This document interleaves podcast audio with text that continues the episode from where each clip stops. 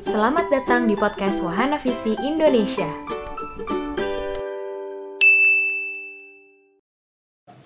Ntar kita juga bakal bacain setiap pertanyaan yang masuk ke sini.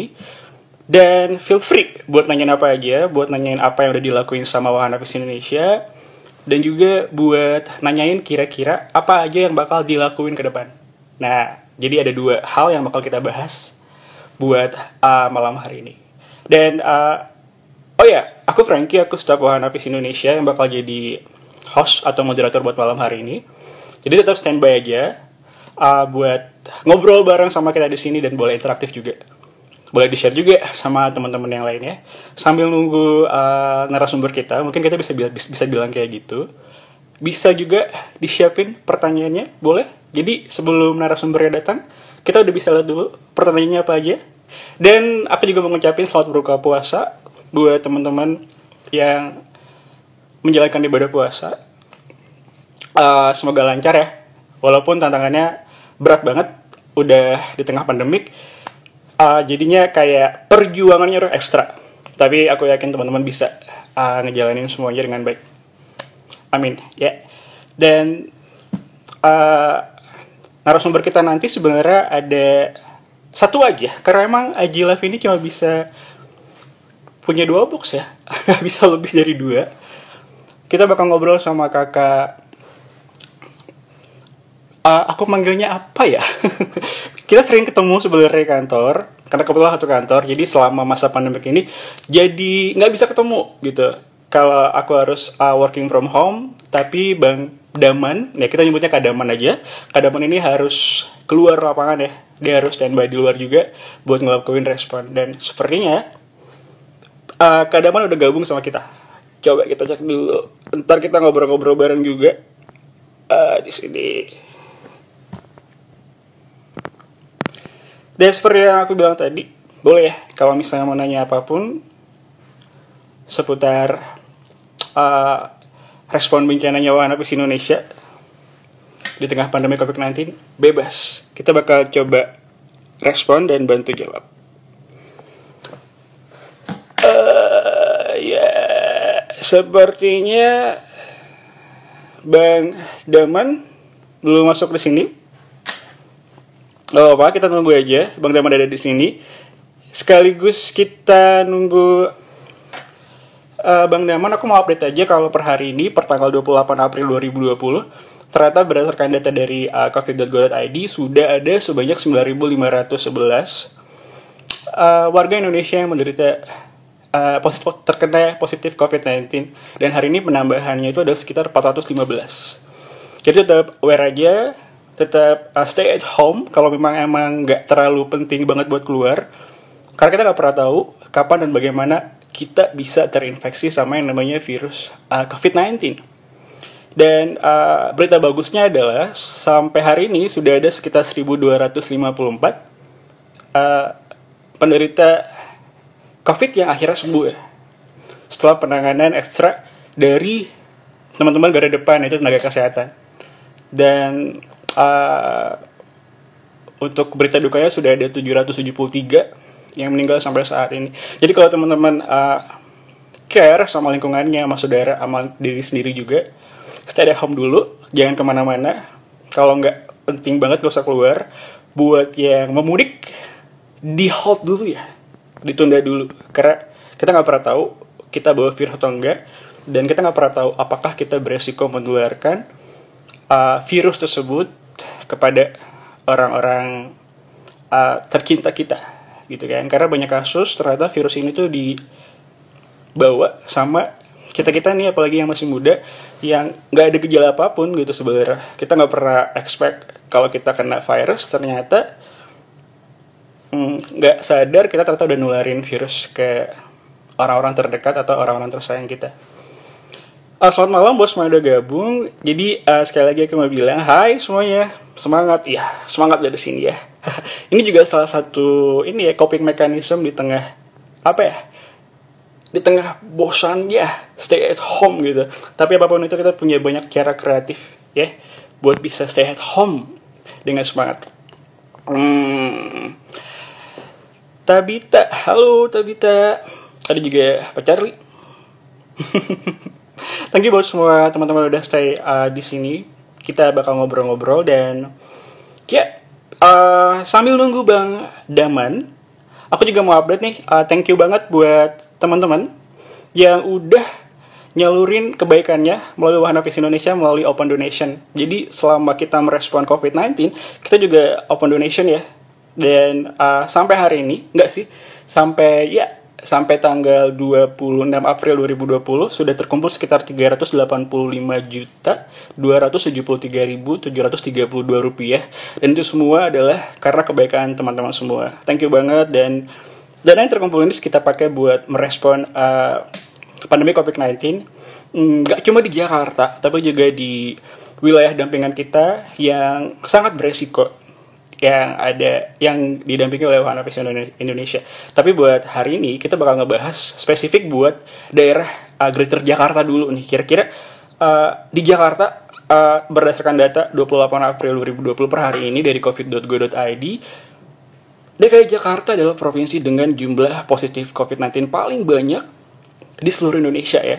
Kalau nggak salah angkanya sudah mencapai 4.002 per hari ini jumlah satu Indonesia ada 9 ribuan dan di Jakarta itu kayak hampir setengahnya uh, terjangkit virus uh, COVID-19 yaitu sekitar 4002 jadi sekali lagi aku nggak bosan buat ngingetin teman-teman, tetap stay at home aja. Emang sih bosan, apalagi buat teman-teman yang ngerasa dirinya extrovert, yang perlu keluar, perlu hang out, perlu ketemu orang, real talk in real life gitu ya, with real person. Karena selama ini kita selalu ngobrolnya secara digital.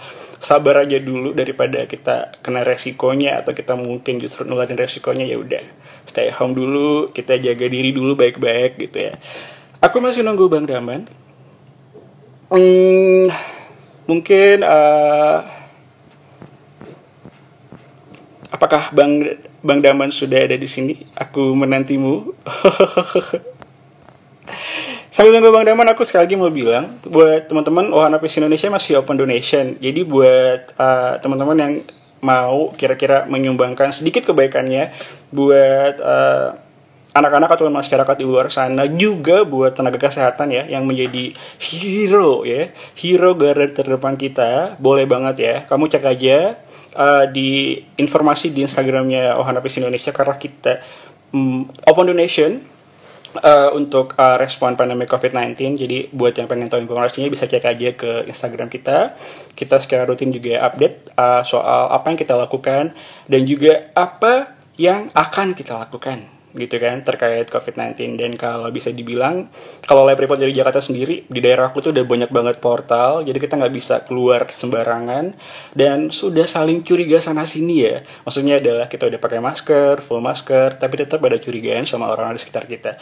Parnonya itu uh, kerasa banget gitu ya keluar tuh nggak bisa gitu. Karena mikirnya adalah aku kena nggak ya? Atau aku bisa nularin nggak ya tapi mirisnya di beberapa wilayah juga ternyata masih ada yang hmm, mungkin kurang peduli uh, sehingga masih bergerombol. Dan untungnya pemerintah kita tuh cepat banget uh, reaksinya tanggapannya juga cukup baik. Jadi setiap ada kerumunan massal udah bisa ditertibkan dengan baik. Hai Yuda. Hair masker jangan lupa ya kak. Iya Yuda. Eh Jenny uh, mm, aku curigaan ke orang ya. Iya mungkin gara-gara ini ya. Gara-gara kamu sering uh, takut gitu kira-kira apakah dia bisa nularin. Kita kalau ketemu orang yang kita kenal nggak pakai masker udah takut gitu. Waduh virus gitu. Padahal belum tentu orang itu punya virus tapi emang. Kalau misalnya kita mau berinteraksi sama yang nggak pakai masker dan sering batuk-batuk ya perlu diwaspadai juga. Begitu.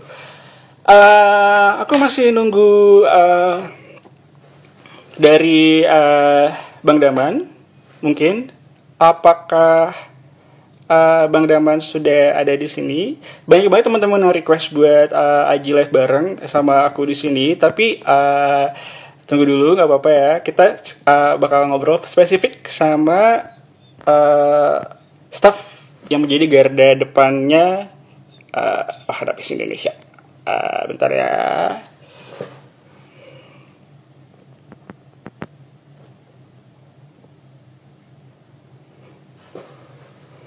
Ada Sinta, susah nggak dapat donor dari luar? Uh, untungnya uh, di One Piece Indonesia kita punya grant. Ini dari dari luar mungkin maksudnya international agency atau international corporation ya.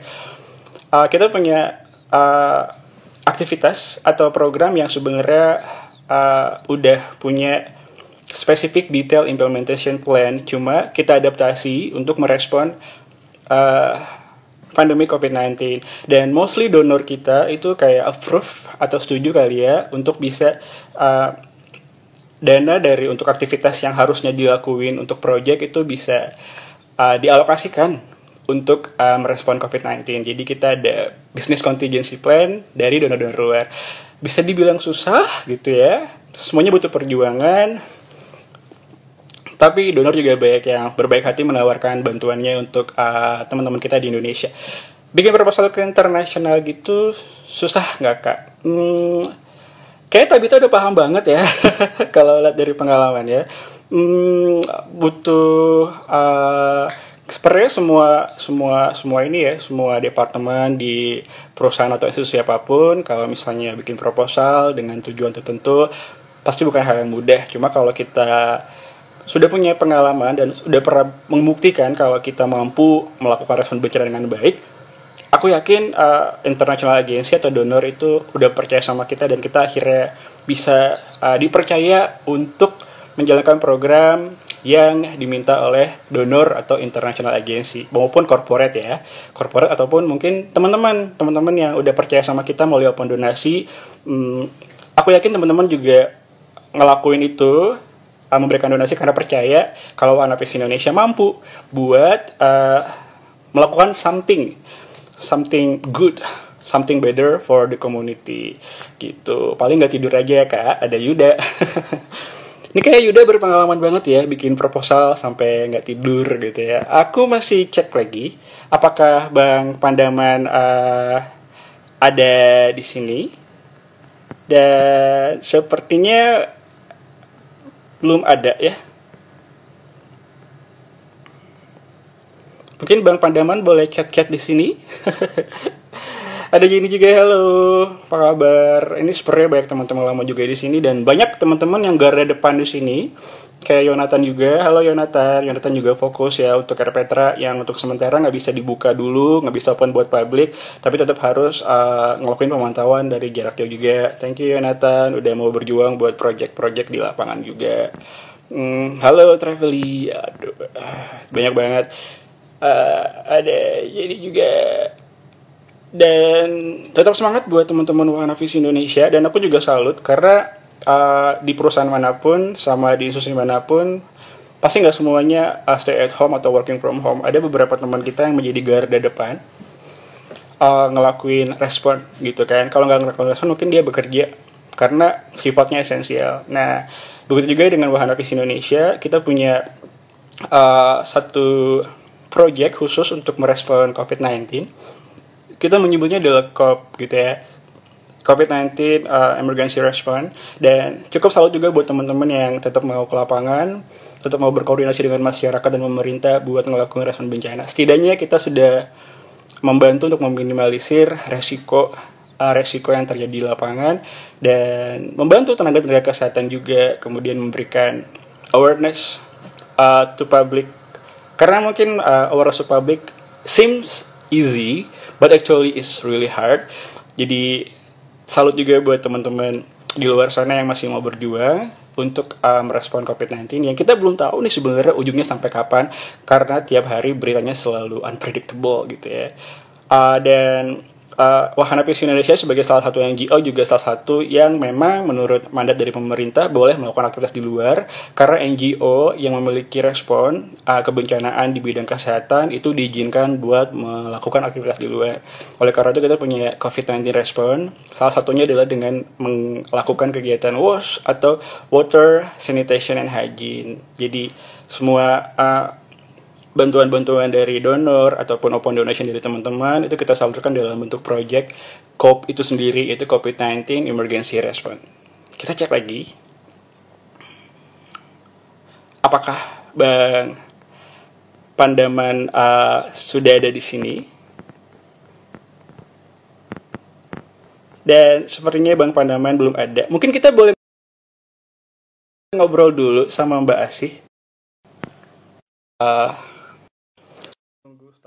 Asih cukup penting ya dalam melakukan respon khususnya di wilayah Jakarta area. Halo Mbak Asih. Halo Frankie. Ya, kita ngobrol-ngobrol bentar boleh ya? Oke. Okay. Ya, sambil nunggu Bang Adaman, sambil nunggu mm. Adaman kita ngobrol-ngobrol dulu. Nah, Mbak Asi aku tahu banget nih, Mbak Asi adalah salah satu staff di Wahana Pis Indonesia, salah satu leader ya. Leader, leader di AP Jakarta. Nah, boleh cerita iya. nggak yeah. sih sebenarnya apa yang sudah dilakukan oleh teman-teman AP Jakarta dalam merespon uh, pandemi COVID-19? Iya, yang kami lakukan pada awal Maret pertama kali kita uh, apa mendapat informasi bahwa uh, pandemi ini udah sampai juga di Jakarta, itu kita uh, beberapa teman tergabung dalam uh, respon yang dilakukan secara nasional office. Jadi uh, kami pada saat itu bekerja sama dengan pemerintah Provinsi DKI Jakarta, kita membangun sarana CTPS di 10 titik di wilayah uh, DKI Jakarta. Dan kemudian selain itu juga kita kemudian membuat uh, apa semacam IC material ya atau apa namanya itu Eh, dokumen-dokumen untuk uh, memberikan informasi kepada masyarakat tentang bagaimana uh, pencegahan dan penularan dari COVID-19 ini gitu. Dan itu wow. di, kita sebarkan secara online ya, karena kan memang situasinya kita nggak bisa uh, turun ke lapangan untuk memberikan flyer atau uh, selebaran kepada masyarakat gitu. Itu yang awal pertama kali uh, kita lakukan untuk uh, COVID-19 ini. Wow keren. Jadi tadi kita udah ngelakuin KTPS ya. Boleh diceritain ya. nggak yeah CTPS itu apa? Mungkin teman-teman oh, iya. luar ya, jadi salah satu cara untuk pencegahan uh, eh, COVID-19 ini adalah dengan kita mencuci tangan dengan sabun ya. Itu kayaknya mm -hmm. udah jadi kampanye yang uh, secara global juga dan itu uh, kita terus-menerus uh, gaungkan gitu. Jadi kita menyediakan sarana cuci tangan pakai sabun CTPS tadi. Sarana cuci tangan pakai sabun di 10 titik uh, keramaian yang ada di wilayah uh, DKI Jakarta di beberapa titik ya di wilayah DKI Jakarta. Jadi kita uh, memberikan sarana cuci tangan supaya masyarakat yang lewat bisa uh, cuci tangan dengan sabun dengan air yang mengalir gitu. Oke, okay. Mbak by the way sebelum kita lanjut ke pertanyaan, kayaknya Mbak Asi populer ya. Hmm? Banyak banget yang say hello buat Mbak Asi malam hari ini. Boleh kita apa aku nggak baca oh ya. Iya banyak banget tadi aku udah ke atas, wah kayak Mbak Asi populer banget. Mbak Asi aku boleh tahu nggak kira 10 titik hmm? lokasi tadi itu di, di mana aja? Ya, itu dia tuh ya. Eh, beberapa titik lokasinya itu di wilayah keramaian seperti di uh, stasiun Jatinegara, stasiun Jatinegara, kemudian stasiun Gondang Dia. Jadi ada satu titik itu bisa bisa ada dua sarana CTPS yang kita uh, tempatkan. Gitu. Aduh, aku ngomong-ngomong soal Gondang Dia, aku jadi kangen stasiun Gondang Dia karena aku tiap pulang kantor pasti kan pakai kantor ya iya tapi ya yeah. kita mbak kita nggak bisa Bas tadi ada juga yang nanya iya. ada Yuda nih mm. Yuda ya pasti kenal sama Yuda mm. dong ya oh nanya, kenal dong Ayo Yuda Oh tuh kan dijawab ya. Kalau IEC materials itu uh, sebenarnya kalau lewat online efektif atau enggak gitu. Terus di daerah ya, rural ya. Iya, kalau di Jakarta kan sebenarnya kita punya grup-grup pendamping ya wilayah eh, apa maksudnya kader-kader ya kalau di Jakarta kita menyebutnya kader di uh, wilayah-wilayah dampingannya Wana Visi kita punya kader dan kita punya grup jadi oh. uh, teman-teman uh, men-sharekan uh, IC material itu ke grup uh, tersebut dan kita berharap mereka bisa menyebarkannya kepada warga yang lain yang di sekitar uh, apa uh, tempat kader tersebut gitu. Oh, Jadi iya. melalui Berarti... itu sih kita sebarkannya iya. Oke, ada lagi yang nanya nih, gimana ya bi biar kita bisa dapat bantuan APD untuk menegakkan dari Wahana Visi Indonesia dari Dini Amel Dini Ameli 2. Ya. Ya. ya. Untuk uh, Wahana Visi Indonesia saat ini kita melalui respon COVID-19 ini uh, namanya COP ya. Itu ya. untuk penyediaan APD itu kami uh, sasarannya adalah uh, pusat kesehatan masyarakat atau uh, puskesmas. Jadi kita distribusikannya kepada puskesmas. Uh, sekitar minggu lalu kita mendistribusikan ke delapan uh, puskesmas di wilayah uh, Jakarta Utara dan Jakarta Timur. Jadi APD-nya kita drop ke sana. Jadi kita bermitra juga ya dengan ya. Uh, stakeholder setempat ya. Iya. Boleh sih boleh nanya nggak kira-kira tantangan terbesar apa ya selama kita merespon? Karena kan mau nggak mau kita harus jaga jarak gitu. Sementara kalau kita memberikan bantuan, mau nggak mau biasanya jarak itu jadi gimana ya? Nggak bisa dihindarkan lagi gitu. Iya, iya, betul itu salah satu ya. Salah satunya ketika karena kan e, sebenarnya kalau WVI sudah sering melakukan respon bencana ya, tapi memang bencana yang kali ini tuh agak berbeda gitu. Bencananya berbeda uh, biasanya kita bisa langsung turun ke lapangan, melakukan assessment di lapangan, mencari data uh, siapa yang menjadi korban, kemudian kita bisa langsung menyalurkan bantuan gitu. Untuk yang kali ini kita nggak bisa karena kita harus bekerja dari rumah, tapi juga harus uh, melakukan respon. Jadi itu salah satu tantangan terbesarnya. Cuma kalau di Jakarta memang yang paling uh, apa cukup menguntungkan adalah kita jaringan internet sebenarnya uh, aman. Kemudian uh, cukup banyak juga uh, apa RT RW maupun kader-kader di lapangan itu yang sudah punya handphone. Meskipun uh, kendalanya lagi mereka mungkin handphonenya nggak nggak yang uh, Android gitu ya atau yang smartphone. Jadi agak agak terkendala di situ. Jadi itu salah satunya. Kemudian uh, cara kami untuk melakukan uh, bagaimana kita melakukan assessment dan uh, distribusi ya yang pasti uh, pertama kita melakukan secara online dulu, kita mendata secara online. Kemudian jika memang harus turun ke lapangan, kita sudah punya staff yang namanya staff esensial. Ketika harus turun ke lapangan, melakukan proses distribusi, dia harus uh, memenuhi semua protap untuk turun ke lapangan gitu dan memakai APD yang uh, seperlunya gitu ya, yang yang standar lah untuk uh, buk, uh, selain non medis ya, selain medis yang uh, harus ke lapangan. Terus yang kedua tantangan di masa uh, respon uh, eh, COVID-19 ini lebih ke data ya tentang data ODP, PDP positif uh, COVID gitu karena memang kita paham uh, data itu nggak nggak sembarangan untuk dibuka tetapi sebenarnya kita membutuhkan data tersebut untuk kita bisa tahu uh, supaya uh, apa uh, apa yang ingin kita bantu itu tepat kepada sasarannya gitu ya. Jadi itu yang jadi salah satu uh, tantangan kita juga. Jadi data kita nggak bisa uh, kita peroleh uh, secara terbuka dari apakah itu puskesmas maupun dari uh, uh, apa namanya uh, misalnya dari mana RT atau RW gitu. Mereka mungkin hanya dapat informasi dari uh, apa tetangga-tetangga yang menyampaikan bahwa di sini ada yang ODP tapi data secara verifikasi uh, medis dari puskesmas itu memang kita sulit untuk mendapatkannya. Itu sih tantangannya, Frankie. Hmm, oke, okay, thank you. Teman-teman yang akhirnya mau nggak mau harus turun lapangan udah kita mitigasi mm -mm. dan antisipasi ya. Jadi persiapannya ya, sudah maksimal, uh, sangat minimal resikonya kita bisa terkena ya kira selain APD bantu kita itu apa aja ya? Tadi udah dibahas yeah. dua ya. APD sama ada uh, ini ya, apa namanya? IEC materials.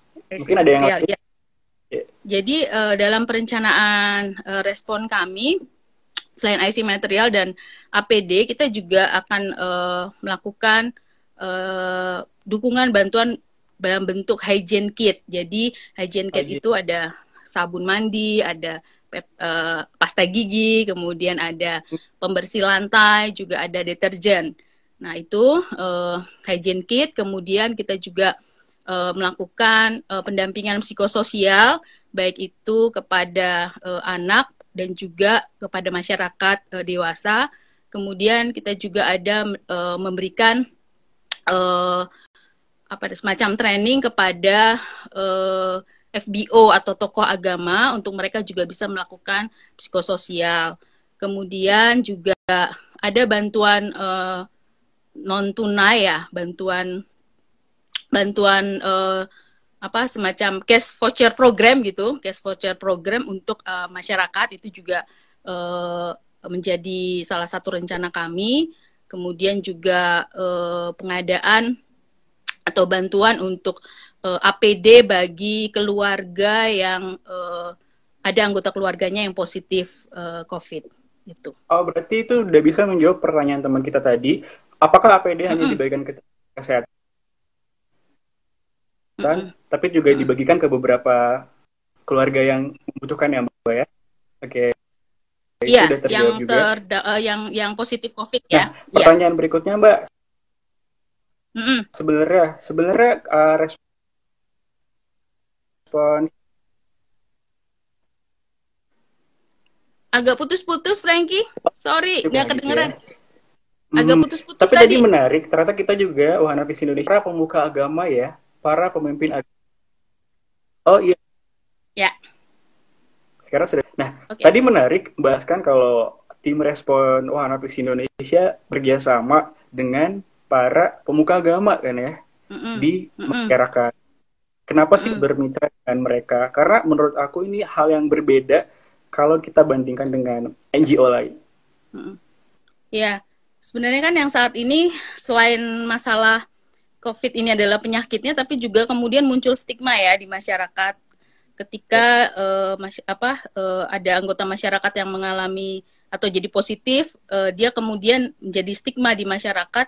Eh, bahkan ada yang ditolak, misalnya kalau ada yang kita dengar ya di berita ada yang eh, ditolak karena dia bekerja di rumah sakit, jadi dia nggak bisa kos di situ gitu kan, dia nggak boleh eh, COVID-19 ini gitu. Dan juga eh, sebenarnya kan kita mengajak juga eh, tokoh agama untuk bisa memberikan informasi tentang bahwa penyebaran virus ini kalau misalnya eh, baik itu tokoh agama Kristen atau Muslim ya kan banyak kita lebih banyak berkumpul ya untuk ibadah seperti itu supaya bisa mendapatkan pemahaman yang lebih eh, eh, clear lagi. Ya, Mbak Asia, aku mau nanya nih. Aku Mm-mm. kan udah sekitar hampir dua bulan ya terkurung dalam kos gitu ya karena nggak bisa ke mana-mana. Nah, aku mau tahu dong uh, kira-kira mungkin dari laporan teman-teman di lapangan yang merespon uh, secara langsung untuk COVID-19, kondisi masyarakat itu seperti apa sih? Karena mungkin uh, banyak yang tidak tercover di media gitu. Mungkin kita punya informasinya, boleh di-share juga. Ya, mungkin kalau sama hampir sama sih dengan yang pemberitaan-pemberitaan yang kita dengar juga gitu bahwa eh, masyarakat terutama yang dampingan Wana Visi kan memang kita dari keluarga yang vulnerable ya, most vulnerable gitu ya. Jadi eh, mereka sangat terdampak eh, pekerjaan mereka khususnya karena mereka adalah daily worker ya. Mereka bekerja sebagai tukang cuci, mereka bekerja sebagai ojek, mereka dagang eh, makanan kecil seperti itu dagang makanan-makanan yang biasa dijual di sekolah. Sementara sekolahnya tutup. Kemudian ada juga yang kalau uh, ojek juga kan sekarang uh, untuk ojek online juga dibatasin gitu ya. Jadi sebenarnya uh, mungkin hampir sama lah bahwa uh, mereka uh, terdampak karena pekerjaannya gitu kan. Kemudian juga kalau di Jakarta itu kan sebenarnya uh, wilayah-wilayah layanan kita tuh padat uh, rumahnya tuh padat-padat gitu ya kemudian sempit gitu jadi tetap saja mereka uh, apa namanya ya untuk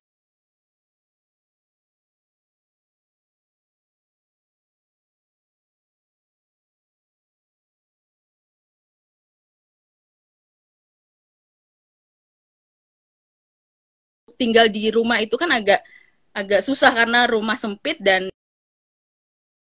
jadi mereka harus berganti nggak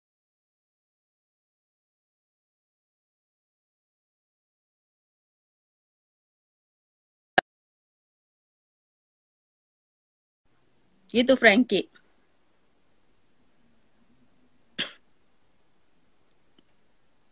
Sinyal nih kayaknya ya.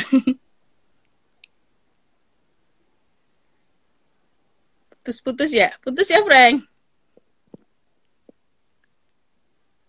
Halo? Putus Frank? Nggak kedengeran? Nggak kedengeran suaranya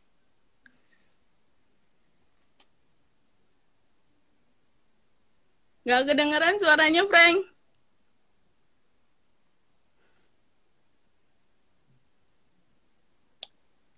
Oh ini ada pertanyaan nih. Sampai sekarang anak dampingan WVI yang di Jakarta udah ada yang positif nggak? Nggak kedengeran aku. Halo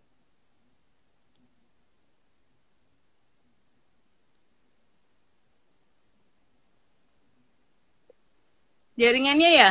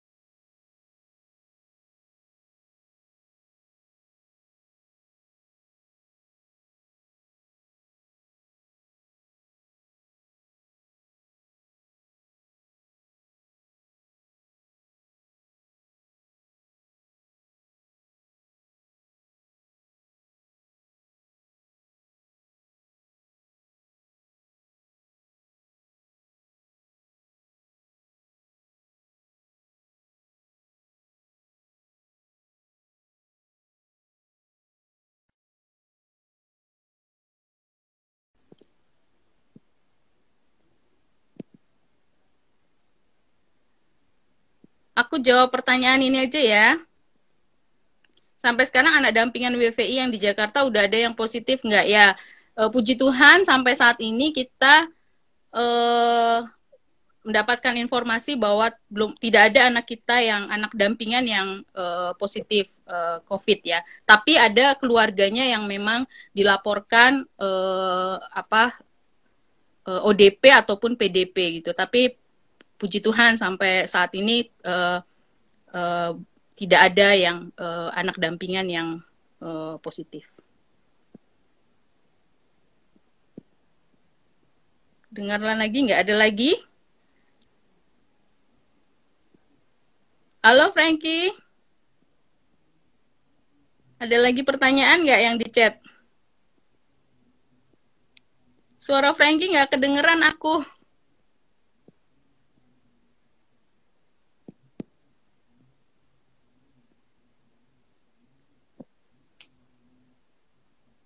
Halo Frankie. Nggak kedengeran ya suaranya. Frankie chat coba Frank.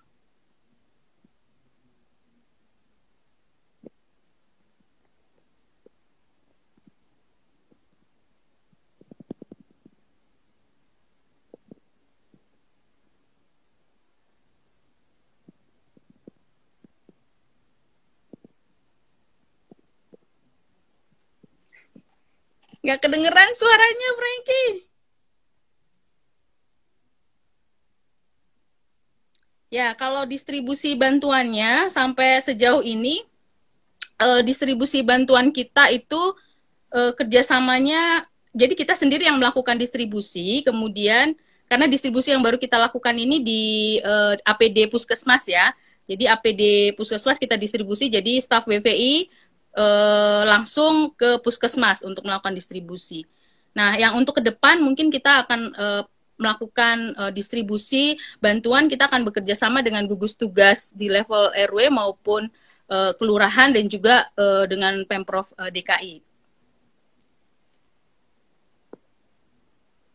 Oke, uh, kalau rencana ke depan, hmm, kalau rencana ke depannya yang seperti tadi sudah saya sebutkan kita ada beberapa rencana uh, bantuan dan itu akan kita kerjasamakan dengan pihak pemerintah dan juga gugus tugas di level RW dan kelurahan.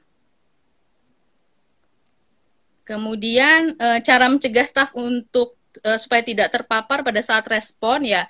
Uh, jadi kita punya mekanisme uh, protap untuk uh, ketika staf keluar uh, rumah itu harus uh, mengikuti protap yang uh, sudah uh, kita sampaikan kepada mereka. Jadi kita punya APD, APD kami untuk staff itu uh, cukup lengkap ya. Ada uh, Google apa kacamata itu, kemudian sarung tangan, kemudian uh, rompi, kemudian uh, sepatu boot, terus apa lagi ya? Lalu kalau pas uh, keluar itu menggunakan uh, lengan panjang kemudian kepala juga pakai penutup kepala gitu.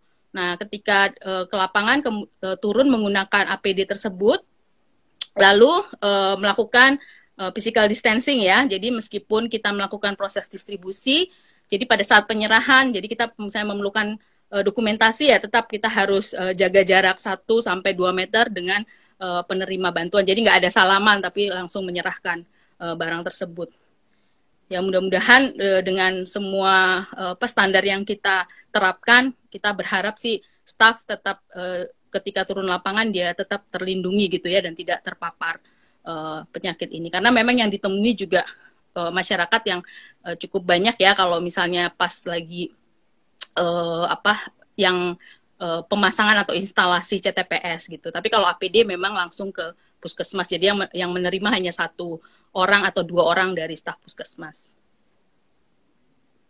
Oke. Ada lagi kah?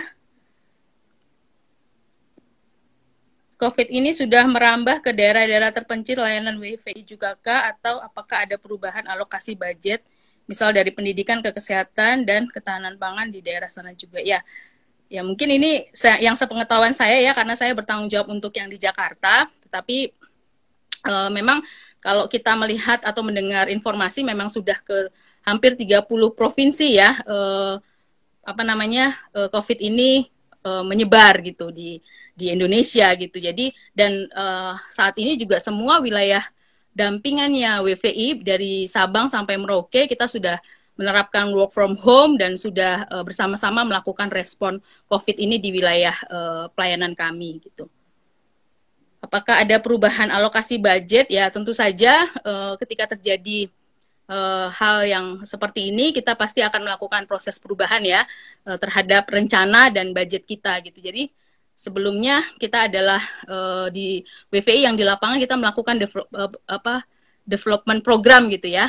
Begitu terjadi bencana ini kita melakukan uh, perubahan, kita switch, uh, kita tidak lagi melakukan proses pengembangan tapi kita fokus untuk uh, melakukan uh, pencegahan dan dukungan kepada masyarakat yang uh, apa tertimpa atau yang terdampak dari uh, COVID ini. Itu apa lagi ya? Rencana respon sampai kapan? Oke, kalau WVI kita merencanakan sampai dengan September uh, 2020 ini untuk uh, respon uh, bencana COVID-nya, tetapi tentu saja kalau kita melihat uh, pandemi ini mengakibatkan adanya uh, krisis ekonomi juga gitu ya. Jadi mungkin akan sangat mempengaruhi program-program uh, WVI ke depan dan kemungkinan dalam uh, satu atau dua tahun kita mungkin akan ada program yang memang pasca uh, pandemi ini akan kita lakukan uh, program di sana.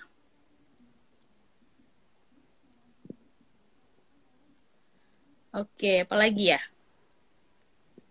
Oh, hostnya lagi masalah audio ya?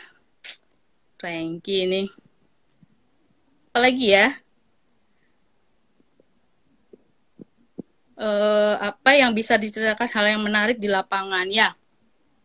Sebenarnya kalau cerita tentang hal yang menarik di lapangan untuk WVI api uh, untuk yang operasional di Jakarta sebenarnya kita belum belum ada turun langsung ke lapangan ketemu dengan masyarakat gitu ya tetapi kami melakukan uh, semacam online wawancara lah dengan keluarga dampingan uh, eh, WVI gitu ya yang kebetulan punya anak uh, eh, SD yang juga adalah dampingan WVI. Jadi kita dengarkan uh, cerita mereka melalui telepon gitu dan mereka menyampaikan ya saat ini uh, mereka uh, terdampak gitu ya dari pandemi ini dan juga anak-anak juga harus belajar uh, di rumah dan mereka punya keterbatasan uh, eh, HP cuma ada satu dan kuotanya juga terbatas. Jadi anak-anak ketika mendapat pelajaran dari gurunya melalui bapaknya, kemudian uh, bapaknya menyampaikan ke anaknya, anak mengerjakan di uh, kertas, kemudian difoto, baru dikirimkan ke gurunya gitu. Dan ya mereka mengeluhkan juga bahwa belum belum bisa bekerja secara normal gitu dan uh, bersyukur juga sih mereka karena ada bantuan sosial ya yang dari bansos dari pemerintah, baik pemerintah daerah maupun pemerintah pusat cukup uh, menolong mereka meskipun juga uh, tetap masih adalah yang uh, merasa uh, ini bah hanya akan cukup satu minggu, dua minggu gitu setelahnya mereka mau bagaimana gitu. Itu sih cerita yang ada di uh, lapangan gitu. Oke, kemudian apa pesan-pesan untuk masyarakat dan anak-anak? Ya, Uh, beberapa hari yang lalu sempat saya uh, turun ke lapangan. Kebetulan kita ada program juga yang kemarin penanganan uh, pasca banjir ya, yang banjir Januari Februari kan WVI juga melakukan proses uh, melakukan respon banjir tersebut. Jadi ketika saya monitor datang ke lapangan di sekitar daerah Kampung Melayu di pasar itu memang banyak masyarakat yang belum kan sekarang sebenarnya udah berlaku PSBB dan juga diminta untuk menggunakan ketika keluar keluar rumah menggunakan masker kain ya. Nah itu di pasar itu masih banyak masyarakat yang nggak nggak nggak ada yang pakai masker gitu, sedikit yang pakai masker gitu. Jadi apa ya eh, kesadaran mereka mungkin yang masih belum belum apa uh, atau masih cuek lah gitu kan dengan situasi ini gitu. Ah mungkin saya nggak terpapar gitu, nggak apa-apa kok gitu. Jadi memang uh, pesan untuk masyarakat luas sih sebenarnya uh, informasi udah cukup banyak ya dari dari medsos, dari TV gitu ya untuk kita uh, bagaimana melakukan pencegahan. Kalau bisa kita stay di rumah, tetap di rumah saja, jangan ke mana-mana kecuali memang ada hal yang penting. Kemudian kalau pun harus keluar kita menggunakan masker dan mungkin membawa hand sanitizer juga gitu untuk supaya pencegahan atau uh, penyebaran virus ini tidak semakin meluas dan kita berharap segera pulih gitu ya karena kalau kita melihat situasinya baik uh, masyarakat apalagi anak-anak itu sangat uh, terdampak sekali dari uh, situasi ini jadi kita bersama-sama berdoa supaya semua cepat berlalu dan kita segera pulih kembali dan anak-anak bisa bermain lagi dan bersekolah lagi bertemu dengan teman-temannya. Itu mungkin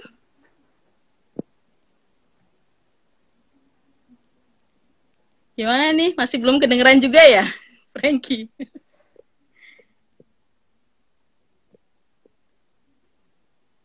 Okay.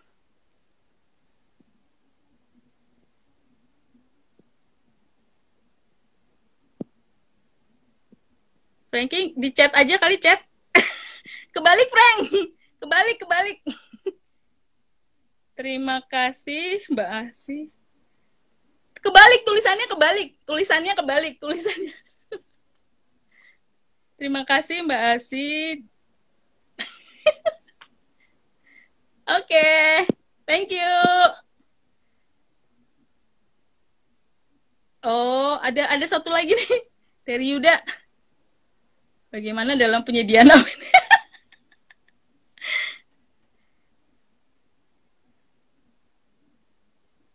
penyediaan masker saat ini langka. Mau dijawab nggak nih?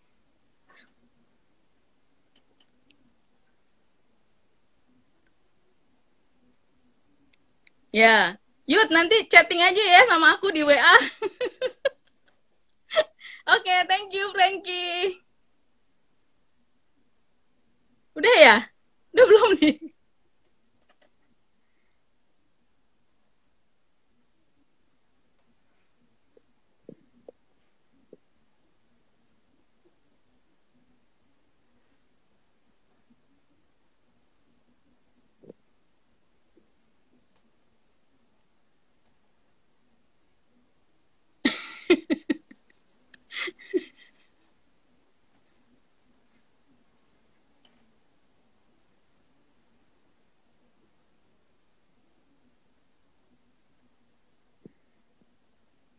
Ya, kalau untuk penyediaan APD, uh, eh, ini kalau untuk uh, eh, WVI kami dari National Office ya untuk uh, penyediaan APD-nya. Jadi kita punya bagian procurement.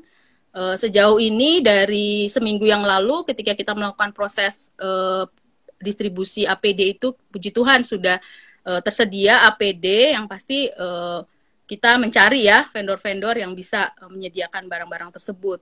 Sedangkan untuk masker uh, masker ini sebenarnya kita uh, pada saat beberapa waktu lalu melakukan respon uh, asap ya di Kalimantan Barat itu kami masih punya stok yang uh, apa lumayan dan uh, setelah kita melakukan pemeriksaan masih layak untuk digunakan. Jadi uh, ada masker juga tambahan dari uh, respon yang sebelumnya kami lakukan gitu. Dan saat ini setahu saya sih memang procurement sedang uh, berupaya juga untuk pengadaan eh, barang-barang uh, uh, kebutuhan untuk distribusi kita. Itu. Hostnya lucu ya. Oke.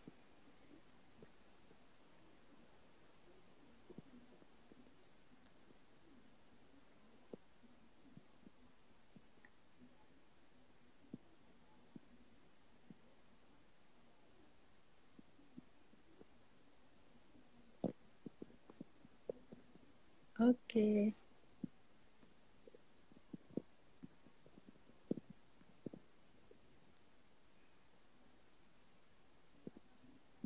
Udah selesai ya, Frank? Itu pakai pakai ini, Frank, pakai apa bahasa?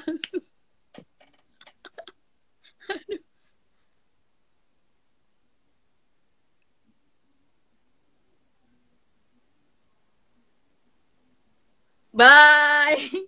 Oke, dah Frank. Dah.